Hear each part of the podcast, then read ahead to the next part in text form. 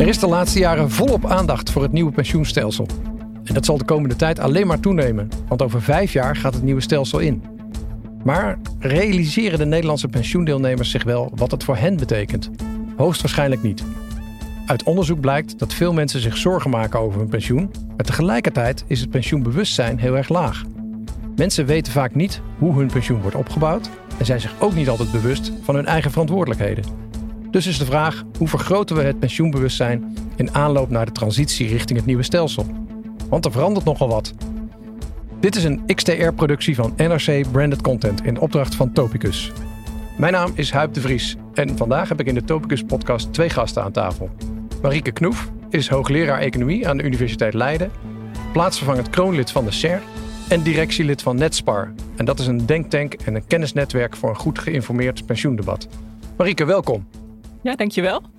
Onze andere gast vandaag is Alfred Kool, expert op het gebied van pensioencommunicatie, met meer dan 35 jaar ervaring op het gebied in diverse rollen en nu als uh, zelfstandig uh, pensioencommunicatieconsultant. Welkom uh, Alfred ook. Dankjewel. Marieke, ik wil graag bij jou beginnen. Er komt dus een nieuw pensioenstelsel, dat, dat weten we allemaal zo wel inmiddels. Maar even een stapje terug. Waarom is dat nieuwe stelsel nou eigenlijk nodig? Ja, er zijn verschillende redenen. Uh, bijvoorbeeld, uh, je ziet als het nu financieel tegenzit, dat het vooral uh, de ouderen en de mensen vlak voor pensionering zijn die daar het meeste last van hebben. en dat is wellicht niet zoals je het zou willen. Hè. Het zou beter zijn als de jongeren meer risico kunnen nemen. Dus als het goed gaat, krijgen zij er wat meer bij. Maar als het slecht gaat, gaat het er bij hen ook af, zodat ouderen ook meer een stabiele uitkering hebben. Ja. Uh, dan zijn er ook nog redenen op de arbeidsmarkt uh, die meer flexibeler is geworden. Mensen werken niet meer 40 jaar voor dezelfde baas. Zijn ook vaak een ZZP'er wat ja. aanleiding geeft uh, voor een nieuw stelsel. en je ziet dat mensen, nou in ieder geval een deel van de mensen meer behoefte heeft aan transparantie. Dus nou, we hebben natuurlijk in de afgelopen jaren, nou zijn de pensioenen soms gekort, zijn veel al niet geïndexeerd. Nou, daardoor is het vertrouwen bij de ouderen uh, lager geworden. Uh, maar ook de jongeren, zo'n 40% van de jongeren denkt dat er later geen pensioen meer voor uh, hem of haar is. en wat meer transparantie zou daar wel bij kunnen helpen om dat vertrouwen daarin wat groter te maken. Ja, en waarom is die flexibiliteit? Hè? Want de arbeidsmarkt verandert natuurlijk steeds meer ZZP'ers. Maar waarom is die flexibiliteit zo belangrijk? Is dat vooral door die, door die toenemende ZZP'ers en zo? Uh, onder andere, uh, ja, ook bijvoorbeeld de vergrijzing speelt een belangrijke rol. Uh, vroeger kon je zeggen, nou, als het tegenzit op de financiële markten, dan verhogen we de premie een klein beetje en kunnen we toch die pensioenen garanderen. Dat lukt nou niet meer, want we hebben veel ouderen ten opzichte van jongeren. Dus als het financieel tegenzit, kunnen we niet met een kleine verhoging van de premie toch nog die pensioenen garanderen. Uh, en dat betekent hè, dat er vaker nou, aan de knop van de pensioenuitkeringen gedraaid wordt. Dus dat er niet geïndexeerd wordt of soms zelfs gekort moet worden. En dat nou, leidt tot veel emoties en, en discussie. Hè? Hoe moeten we dat pensioengeld dan verdelen? Ja, nou, er komt dus een nieuw stelsel om onder andere deze problemen aan te pakken. Maar wat houdt dat nieuwe stelsel dan eigenlijk in? Voor de deelnemers bedoel ik dan, hè? Ja, zeker. Eh, nou, een belangrijk verschil is dat uh, we nu beloftes hebben over de uitkering. En we gaan naar een verwachte uitkering. Er worden geen beloftes meer gedaan. Omdat beloftes, uh, nou, in de huidige situatie waarin wij leven, heel erg duur zijn geworden. nou, daarnaast meer transparantie is een, een belangrijk verschil met de huidige situatie betere risicodeling, dus de risicodeling tussen de verschillende generaties. Uh, een lumsum is uh, een, een, praktisch voorbeeld voor de mensen die ze krijgen, die ze op dit moment niet tot de mogelijkheden behoort. Dat betekent dat ze zelf daarmee aan de slag kunnen? dat betekent dat ze op pensioendatum 10% van het pensioengeld maximaal op kunnen nemen en meer flexibel zelf kunnen inzetten en ja. kunnen uitgeven. Aha. Een belangrijk verschil is nog een, dat er geen buffer meer is in het nieuwe stelsel. Dus dat betekent dat er sneller geïndexeerd kan worden. Dat is uh, nou ook belangrijk voor de huidige ouderen. Uh, maar dat betekent ook dat als het tegenzit, er ook sneller gekort moet worden. Dus dat is wel uh, ook de keerzijde van de medaille. Ja. Um, nou, voor de sector is het ook wel, uh, als ik kijk naar de conceptwetgeving, moeten bijvoorbeeld de voorkeuren van mensen meer uh, uitgevraagd worden. Ja. Dus hè, hoe risicoavers zijn mensen nu? Ja. Ehm, nou, je kunt dat zien als een technische exercitie.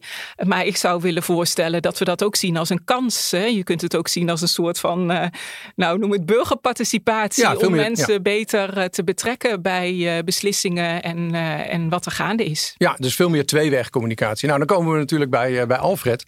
Uh, er wordt veel meer betrokkenheid van de deelnemers uh, verwacht, van de pensioendeelnemers. Nou, jij bent expert in pensioencommunicatie. Hoe gaan we dat voor elkaar krijgen als sector? Ja, dat klinkt makkelijker dan het, uh, dan het in werkelijkheid is. Want je gaat mensen vragen om betrokken te zijn bij een onderwerp waar ze eigenlijk in de basis helemaal geen interesse in hebben.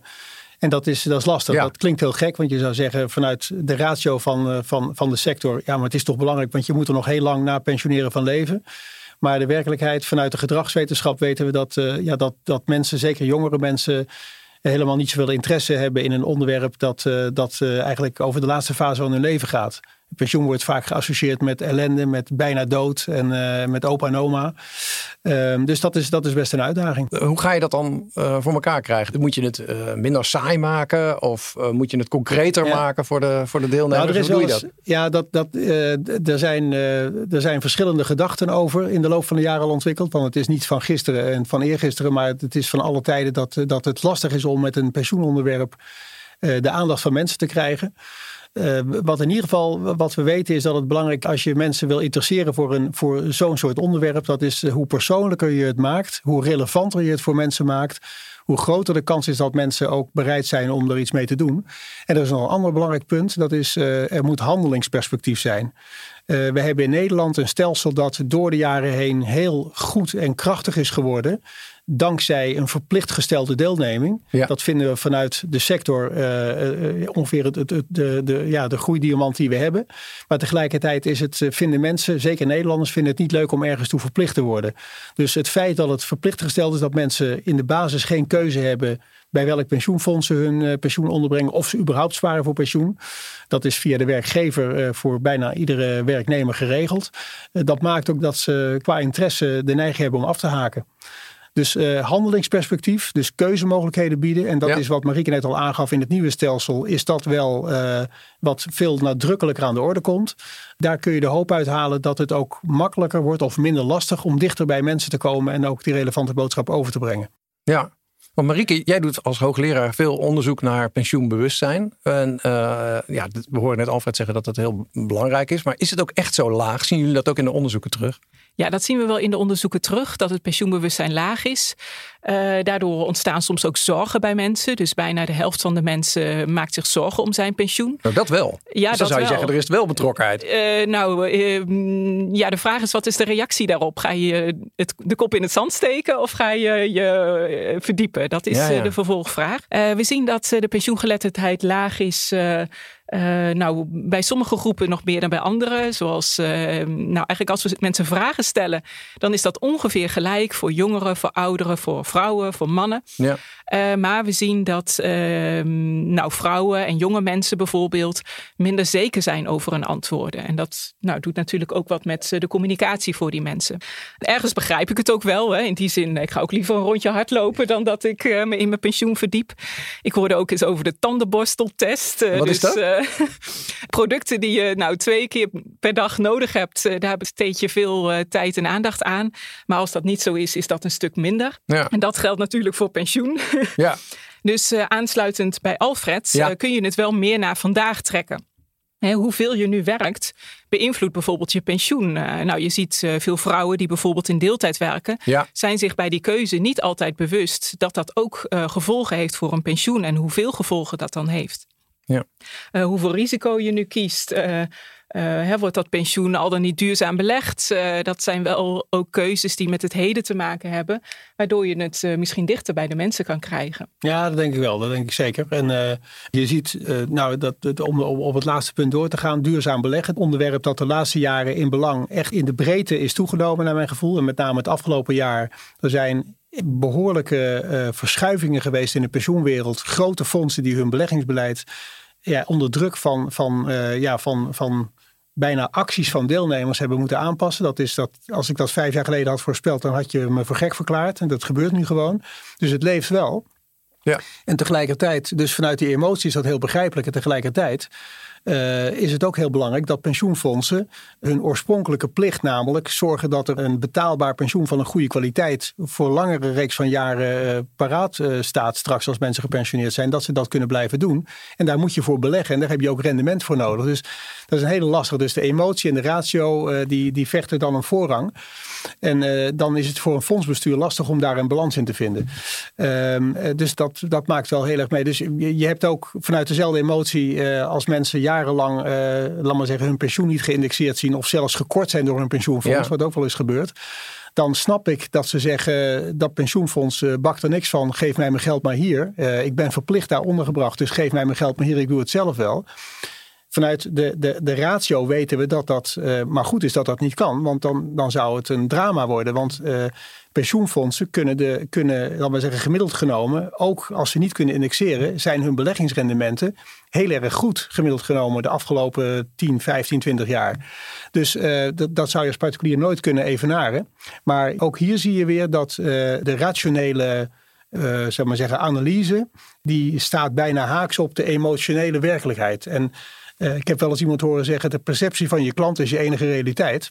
Dus de perceptie van je deelnemer is voor een pensioenfondsbestuur de realiteit waar, die, waar ze het mee moeten doen. Ja. En uh, nou, dan kom je op een ander punt, maar dat, dat is het vertrouwen dat je als sector hebt. Maar ik kan me voorstellen dat we daar straks misschien ook nog over praten. En juist die emotie waar Alfred het over heeft, geeft ook aan dat hoe belangrijk die keuzebegeleiding is. Ja, ja. Uh, dus je ziet nu in uh, nou, flexibele contracten waar uh, mensen op pensioendata mogen kiezen mm-hmm. voor wel of niet doorbeleggen na pensionering. En je ziet nou, uit de, de evaluatie van de wet blijkt dat 95% van de mensen voor een vaste uitkering kiest. Dus die kiest ervoor om niet door te beleggen. Uh, nou, dat is als je kijkt naar de risicoaversie van mensen en de onderzoeken daarna, is dat eigenlijk een veel te hoog percentage dat kiest om niet door te beleggen. Ja. En dat zit hem waarschijnlijk in, in verliesaversie van mensen. Dus uh, hè, dat uh, iets wat, nou, risico, dat, dat klinkt niet fijn. En als iets omlaag gaat, dan hakt dat er in de emotie van de mensen veel harder in dan wanneer iets toeneemt. Ja, dat is een heel ja, belangrijk punt wat je nou aanroert. Ja. Ja. Maar toch, uh, in een nieuwe stelsel komen er meer mogelijkheden om dat te doen. Hè? Om dus meer, en ook zelf uh, meer te beleggen. Dat betekent dat je natuurlijk het bewustzijn omhoog moet. Nou, daar hebben we het net al over gehad. Maar dat betekent ook dat de kennis waarschijnlijk uh, omhoog moet. Voordat mensen dan daadwerkelijk hun gedrag kunnen aanpassen. Hoe gaan we dat dan doen? Ja, ik denk dat de sector een belangrijke rol heeft om de mensen te empoweren. Uh, dat ze dat ook uh, in goede uh, gedaante kunnen doen. Dat sowieso, maar het is nog interessant als je dit punt beschouwt. mensen hebben de neiging, ook, ook hier leert de gedragswetenschap ons weer hele interessante gegevens. Nou, vertel. Mensen hebben de neiging om keuzemogelijkheden te willen hebben. Mensen houden er niet van, zeker Nederlanders niet, als anderen die keuzes voor ze maken. En tegelijkertijd, als je de keuzes aanreikt, blijken ze in de praktijk niet te kunnen kiezen. Um, en dat is heel ingewikkelde. En dat weten we. Maar als je met die kennis dat gaat vertellen, dan zeggen ze ja, maar dat is paternalistisch. Dus dat is een, dat is een ongelofelijke spagaat waar de yeah. pensioensector met name mee zit. Uh, marketeers maken daar al jaren misbruik van als je producten wil slijten en je weet dat mensen graag willen kiezen, dan bied je ze drie mogelijkheden. Uh, en je weet uh, dat uh, met aan, aan zekerheidsgrenzen en waarschijnlijkheid dat de meeste mensen voor de middelste keuze gaan. Want dat is namelijk wat er altijd gebeurt. Nou, als je daar je aanbod hebt wat je het liefst wil verkopen, dan hebben de mensen de illusie dat ze gekozen hebben. Maar eigenlijk heb je ze geleid naar ja. datgene wat je wil aanbieden voor een bepaalde prijs. Dat is, dat is wel de praktijk zoals het gaat. De pensioensector uh, is, geen, is geen commerciële organisatie. Pensioenfondsen zijn organisaties die uh, alleen maar tot doel hebben om uh, mensen te helpen en te zorgen dat er een goede oude dag is. Dus die kunnen van deze kennis uit de gedragswetenschap gebruik maken, maar op, op een, ja, zeg maar zeggen, open en eerlijke manier ja. zorgen dat, er, dat mensen wel begeleid worden en behoed worden voor keuzes waar ze naar de hand ja. heel veel spijt van zouden ja. krijgen. Ja, dat kan bijvoorbeeld met goede defaults. Hè. Zo, Zo mensen willen graag uh, de mogelijkheid hebben om gehad om te kiezen. Dat geeft een gevoel van controle. Maar tegelijkertijd inderdaad de keuze zelf maken. Dat is helemaal mm. niet zo fijn. Nee. Uh, maar als we een goede default hebben die bij ja. mensen past. Ja.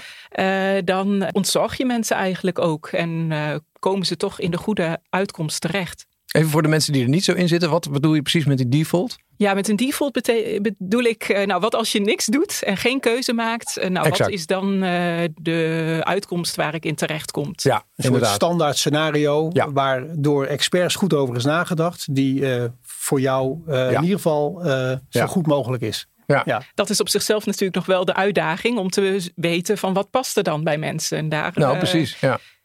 Ja, en dat is dan misschien, maar goed, ja. Ja, daar zeg maar. Nou ja, ik wil zeggen dat wij, ehm, eh, dat is in deze tijd uh, wat, wat makkelijker te doen dan uh, 10, 20 jaar geleden.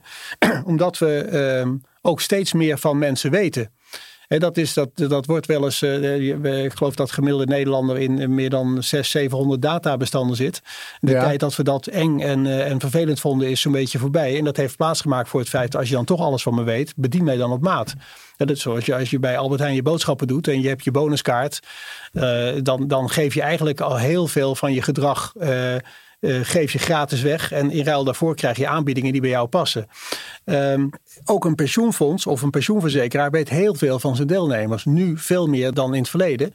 En als je op een, op een fatsoenlijke manier uh, en, en op een transparante manier uh, van, die, van die gegevens gebruik maakt, dan kun je ook, dan ben je in staat, ook als je heel veel deelnemers hebt, honderdduizend of misschien wel meer dan een miljoen, dan ben je toch in staat vandaag de dag om mensen op maat, zal maar zeggen, te bedienen en, en een, een portefeuille samen te stellen die voor die persoon met, met, met zijn of haar gedrag en omstandigheden het beste is. Ja, en slimme technologie en veel data. Ja, En, dat, en dat moet je uiteraard binnen de grenzen, de wettelijke grenzen en zo. Je mag geen data, geen, geen privacy-achtige dingen. Maar daar is heel veel in mogelijk en nog veel meer mogelijk dan nu gebeurt. Ja. Ik denk dat daar wel zeker mogelijkheden liggen om uh, mensen goed te kunnen bedienen. Dan moet wel het vertrouwen er ook zijn. Hè? Want daar wilde ik ook nog eventjes naartoe. Want uh, het vertrouwen in de pensioensector is, is laag. Hè? En ja. Nou ja, dan, uh, dan kun je communiceren wat je wil. Maar uh, de mensen moeten je ook uh, geloven en vertrouwen. En zien jullie dat ook echt terug in, in onderzoeken dat het vertrouwen zo laag is? En wat, wat kunnen we daar vervolgens daaraan doen?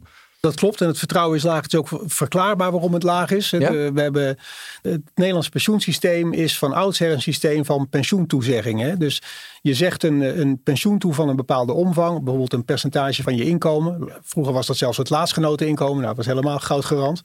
En dan beloof je eigenlijk, niet letterlijk, hè, want als je de statuten nakijkt, staat er nergens dat het een belofte is. Maar dat is wel de perceptie als je het jarenlang hebt gedaan bij mensen. Dan beloof je dat je dat tot in lengte van jaren keurig uh, elk, elk jaar uh, aanpast aan koopkracht en, of loonontwikkeling enzovoort. Uh, en als je dat een aantal jaren niet meer kunt doen, omdat de dekkingsgraad, en dat is eigenlijk de verhouding tussen je verplichtingen en je bezittingen uh, daarvoor te laag is. En de, en de Nederlandse bank als toezichthouder je niet in staat stelt om, uh, om die indexatie uh, toe te passen. Ja, dan leidt dat tot teleurstelling bij de ontvanger van pensioen. Want die ziet zijn koopkracht elk jaar een beetje achteruit kachelen. Gelukkig met een lage inflatie de afgelopen jaren viel dat in de praktijk nog mee. Maar de perceptie is, ik krijg minder geld dan waar ik eigenlijk recht op heb. Het werkt ook door voor de opbouw. Maar goed, daar gaan we het nou niet over hebben. Dat is wat ingewikkeld. Maar Ehm, dus die vertrouwensbreuk snap ik wel. Hè? Dus als je niet aan je verplichtingen voldoet. We gaan nu naar een stelsel waarbij we de pensioentoezegging verlaten en naar een premietoezegging gaan. Dus daar zijn we dan gelukkig vanaf. Maar uh, eigenlijk is het nu lastig om als sector waar het vertrouwen wat minder in is, of eigenlijk behoorlijk onderuit is gegaan, om dan nog effectief te kunnen communiceren over belangrijke boodschappen. Ja. Want waarom, als, als jij mij niet vertrouwt en ik vertel jou iets heel belangrijks, althans ik vind dat het heel belangrijk is, dan zeg ik jou, waarom zou jij mij serieus nemen? want je vertrouwt me niet. Exact. Nou, dat is als sector, ik zeg het even heel zwart-wit, eh, dat is als sector, breekt dat op. En hoe, hoe kun je dat nou doorbreken? Niet door nog vaker te blijven roepen dat het heel belangrijk is dat ze echt moeten luisteren, maar door, eh, ik noem dat dan wel eens, door steunzenders in te schakelen, door eens te kijken van welke organisaties, welke personen, welke partijen zouden kunnen helpen om deze belangrijke boodschap maar die wel geloofd wordt, die, om deze belangrijke boodschap mee over te brengen op, uh, op die deelnemer. Ja. Want dat is uiteindelijk wel onze dure plicht om te zorgen dat die deelnemer meegenomen wordt. En als je het zelf niet kunt, dan moet je kijken of dat de wetenschap is. Of, of, of nou ja, daar, daar, kun, daar kun je eindeloos met elkaar over praten. En dat kan per bedrijf, per sector, kan dat verschillen. Maar dat is wel een uh, behoorlijke uitdaging. Ja, zie jij Ja, dat ook, Marieke? Ja. Ja, en ik denk dat kennis daar ook wel weer bij kan helpen. Zeker. Dus eh, we zien eh, hè, 40% van de jongeren die denkt dat er later geen pensioen meer is eh, voor hem of haar. 40 procent? 40 procent. nou, als, als die mensen ietsje meer eh, zouden weten van hoe het stelsel in elkaar zit, dan zouden ze daar best wat geruster eh, over kunnen zijn. Eh, je ziet ook eh, bijvoorbeeld de AOW, eh, toch echt een belangrijke pijler voor heel veel mensen. Die wordt onderschat. Dus mensen hebben het, de perceptie is dat die wel een paar honderd euro minder is dan dat die daadwerkelijk is. Dus ook daar zijn mensen, nou, zouden ze wat optimistischer kunnen zijn als ze wat meer kennis van zaken hebben. Ja. Ja, zeker. Maar we moeten, het, is nog, steeds- nog steeds dus heel goed geregeld in Nederland. En zeker in internationaal perspectief heb ik ook be- begrepen. Dan zou je daar toch ook misschien wat meer open over moeten zijn, of niet? Ja, weet je, dat, dat, dat is goed dat je dat vraagt. Ik zeg nog steeds, ook met een zekere trots, omdat ik er al zo'n tijd ook eh, actief in ben. Ja. Maar Nederland heeft een onwaarschijnlijk goed pensioenstelsel. Eh, nog steeds, hè. er wordt veel over geklaagd binnen Nederland. Maar eh, ik ben ook nog eens een keertje buiten, buiten Nederland. En als je dan in de pensioenwereld in, in Europees verband praat over de Nederlandse situatie. Mensen begrijpen niet waar wij het over hebben, waar de discussie over gaat. Wij hebben, de, wij hebben, over, wij hebben het over een dekkingsgraad die net boven de 100% ligt. En dat vinden we dan heel zorgelijk. Ja. Nou, grote landen in Europa, Frankrijk, Duitsland. Duitsland stevend af op een gigantisch pensioenprobleem. Hè. Dat is begrotingstechnisch niet meer te behappen. Daar zijn dekkingsgraden van, van 20, 30, 40 procent. Eh, Weet je, dat, dat, die, die zijn er nog niet eens. Dus het is een hele andere situatie. Dus in Nederland is per hoofd van de bevolking het allerhoogste bedrag gespaard van alle landen in de wereld. Dat is, dat is de realiteit. Alleen een Nederlander die eh, eh, eh, jarenlang niet geïndexeerd is, heeft geen boodschap aan dat verhaal. Die gaat zich niet vergelijken met andere landen. Die kijkt gewoon naar zijn buurman en, eh, en leest de krant en, en wordt negatief, zou maar zeggen, bevestigd in het verhaal. En dat, dat is de realiteit waar we mee te maken hebben. Ja. Maar gelukkig, eh, we hebben nog steeds, daarom moeten we ook heel zuinig zijn en heel zorgvuldig overgaan naar het nieuwe stelsel. Wat toekomstbestendig is. Dus een behoorlijke verbouwing. Er is ook veel weerstand vanuit conservatieve krachten om het allemaal te houden zoals het is. Ja. Nou, dat is voor de korte termijn misschien nog wel aantrekkelijk, maar voor de lange termijn volstrekt onhaalbaar. Dus ik denk dat het heel verstandig is dat we die stap gaan zetten naar de toekomst. Maar wel op een, op een zorgvuldige en, en, en goede manier. En dat gaan we ook met elkaar doen. Daar ben Ja. ik echt van overtuigd. Ten slotte, eh, eigenlijk aan jullie allebei de vraag. eh, wil ik bij jou beginnen, Marieke. Wat is nou eigenlijk het allerbelangrijkste dat de pensioensector moet doen om, eh, om die deelnemers dan te betrekken bij dat nieuwe stelsel? Nou, op dit moment voelen ze wel ouderen als jongeren eh, zijn ontevreden. Dus laten we proberen dat dat eh, beter gaat. Ja. Eh, en goede keuzebegeleiding is daarbij ook noodzakelijk. Dus we spraken net over passende defaults, over nou, goede communicatie. gebruikmakend van de data die er beschikbaar zijn. En dat ook evalueren. Dus eh, nou, evalueren het zodat het elke dag weer een beetje beter wordt. Ja. Ja, en dat, zie, en dat volgen jullie dan weer in jullie onderzoeken natuurlijk. Eh, ja, heel graag. Oké. Alfred? Ja, dat is daar wat Marieke zegt. Ook, daar- ja, dat is, eh, daar heb ik bijna niks aan toe te voegen. Het is super belangrijk om eh, ook eh, steeds eh, de vinger aan de pols te blijven houden. Dus die onderzoeken van, van met name Netspar, maar ook wat je in Leiden doet, dat is zo belangrijk ook voor ons in de praktijk om eh, gebruik van te maken. Want de, de, de, de neiging bestaat iedere keer weer om te denken dat je het wel weet. Maar je weet het nooit helemaal. En, en eh, je wordt iedere keer weer verrast door de uitkomsten van de onderzoeken. En eh, daar moeten we eh, echt een open oog voor blijven houden. We moeten met elkaar door. En, en mensen zijn eh, irrationele wezens. eh, Ja. Opereren op gevoel, op emotie. En iedere keer vanuit die sector die, eh zal maar zeggen, juist de kracht vindt in, in de rationele analyses. Iedere keer is weer de valkuil dat je denkt dat je weet hoe het zit. En dat je ze paternalistisch mee wil nemen. Dat gaat niet. Dus we, we- je hebt echt onderzoek nodig. Blijvend, blijvend kijken wat er gebeurt. En iedere keer maar weer bijstellen. Want het gaat er niet om dat jij gelijk hebt. Het gaat erom dat je gelijk krijgt. En dat is een eh, ongelofelijke uitdaging. Ja, nou Ja. dan denk ik dat het een hele mooie, mooie afsluiting is. Ehm, we hebben nog even de tijd eh, tot het nieuwe eh, stelsel ingaat. Maar er is ongelooflijk veel te doen. En ik denk ook daarna is er nog heel veel te doen om de mensen te blijven betrekken bij het nieuwe stelsel. Maar goed om te horen dat er ook heel veel mogelijkheden liggen. Juist op het gebied van technologie, het gebruik van data. Ik wil jullie hartelijk bedanken voor dit gesprek. Marieke en Alfred, heel hartelijk bedankt. Dankjewel. gedaan. Bedankt voor het luisteren naar de XTR-productie van NRC Branded Content in opdracht van Topicus. Meer verhalen over IT-oplossingen van Topicus vind je op nrc.nl/slash brandedcontent/topicus.